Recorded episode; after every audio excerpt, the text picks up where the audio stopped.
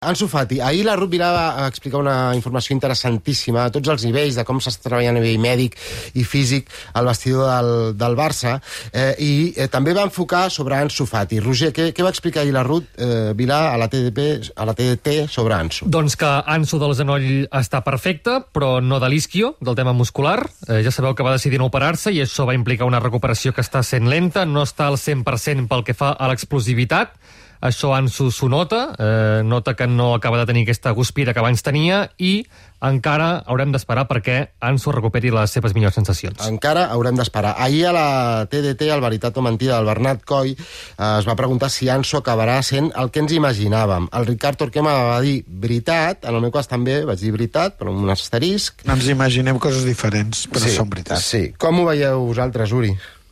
A mi ara em costa visualitzar que, que puguem veure un altre cop a l'Anso espectacular de, de quan va debutar en el primer equip del Barça. Ta- ta- Tant de bo, tant de bo el puguem... Però mai puguem- més, Uri, mai més. No, és que no, no, no ho sé, eh? però si, si ara hagués de posar la mà al foc no la posaria. Mm, Però ni amb, ni amb 28 anys, d'aquí 10 d'aquí 9-10 anys. Això, eh? clar, és, és, anar molt enllà. Jo no ho nego tenir inquietud ara 19. mateix, però té una carrera molt llarga per endavant. Per tant, jo mantinc i espero tornar a veure l'Anso que, que tots hem imaginat. Ferran.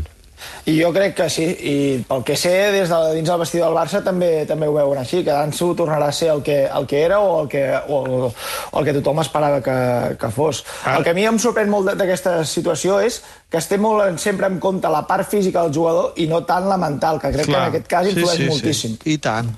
I jo, jo I crec que jo, i no s'ha treballat amb gens, això, amb ell. que a curt termini mm, jo no, no ho aquesta espero. temporada. Aquesta temporada No. no. el veurem en el seu millor que no. registre, com, quan va aparèixer. Bé, jo crec que no. No, eh?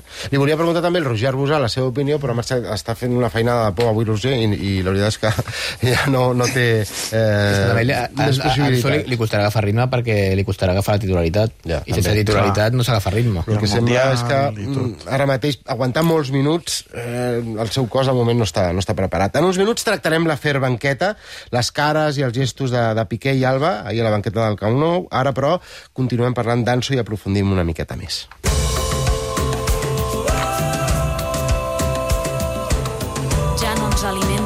Molles, ja volem el pa sencer. Això és agafant l'horitzó de Charango des de fa unes setmanes la nova sintonia del Futbol Club del Mas. Àlex Almas, bona nit. Bona nit, què tal, com esteu? Quan vas trigar tu a jugar un partit de futbol després del naixement del teu primer fill? Dos dies. Dos dies, però això fa Ah, molts anys. Però, sí, sí, però, però no vaig jugar. El més bo és que no vaig jugar. Ah. L'entrenador em va dir, et vull al meu costat, i si el necessito et trauré, si no... Si no, no falta, perquè havia passat mala nit, però sí, recordo que la meva dona encara estava a l'hospital i vaig anar a jugar. Ho veu parlar entre els dos i, i sí. Sí. veu decidir això, molt bé. Àlex, com veus això de- d'Ansu Fati?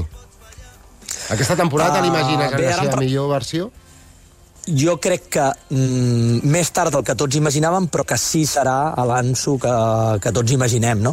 Eh, hem de recordar que va, i ahir a la TDT ho dèieu, no? que ell va escollir l'opció 2, i l'opció 2 és la que et porta al terreny de joc més ràpid, però la que et fa recuperar més tard, és a dir, el que et fa cicatri- cicatritzar més tard. Crec que tard o d'hora ho farà, i quan ell noti les bones sensacions tornarà a ser l'Anso elèctric que coneixíem. El mateix que vam conèixer quan va aparèixer amb 16-17 anys, que, que va impactar, eh? Per mi sí, jo, jo confio, va- vaja, jo, jo no tinc cap dubte, jo crec que un jugador tan jove, eh, tard o d'hora ha de, com et dic, no, ha de tornar al seu punt i, i tot passa per al cap, també. Mentre, mentre no arribi al, al seu eh, millor punt, a la seva millor versió, mm, en quina posició creus que és més adequat eh, que jugui, sense estar al 100%? Per mi a l'esquerra, sens l'esquerra, dubte. eh? Per, sí, per diferents motius. El primer és obvi, i és perquè hi ha Lewandowski jugant al centre i jugant de nou, però per, per moltes altres coses. Ansu el que s'ha de treure és la, la por jugar o la por trencar-se, i a, des de l'esquerra ho pot fer més. Després perquè, futbolísticament, la passada cap a la banda és molt més neta que la passada cap a dins, i per tant sempre s'intervé més. És a dir, en futbol, tapar Sí. la passada cap a, cap a banda doncs és molt més difícil i participaria més. I després perquè jugant a banda, d'alguna manera, et descarre, li descarregaria una miqueta la responsabilitat del gol. Uh, vulguis o no, jugant de nou o de fals nou, sempre tens una mica més de responsabilitat de, de gol i ara mateix no li convé. Per tant, sens dubte, a l'esquerra, des del meu punt de vista. El que passa és que a l'esquerra eh, potser estàs obligat a més esforços defensius. Sí, el que passa que Bé, jo, jo crec que en el Barça actual els esforços també són a la primera línia. Eh? Estem veient que Lewandowski també ha de saltar un dels centrals i ha de reduir metres ràpid.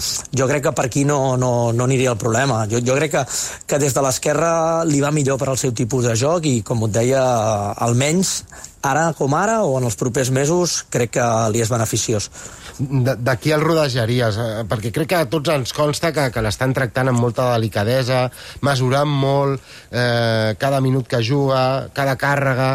Eh, també es mesura segurament eh, de qui el rodeges quan surt a jugar, de qui el rodejaries? Sí, sobretot de Pedri. A ell li convé tenir a Pedri a prop, no? Uh, crec que és el que li veu millor les passades i crec que Ansu, que és un futbolista que combina molt bé el joc al peu amb el joc de ruptura i que, i que moltes vegades no és fàcil interpretar-ho, Pedri ho fa molt bé, Pedri el busca, crec que té química, complicitat i li veu molt bé aquestes passades. Uh, per tant, sobretot Pedri. Després, jo crec que, jo crec que tant en Valde com, com en Marcos Alonso pot lligar bé, però especialment en Pedri, que crec que el fa participar més i, i li dona més qualitat a les participacions. Com tothom. Això li passa a Ansu i li passa a tots els jugadors.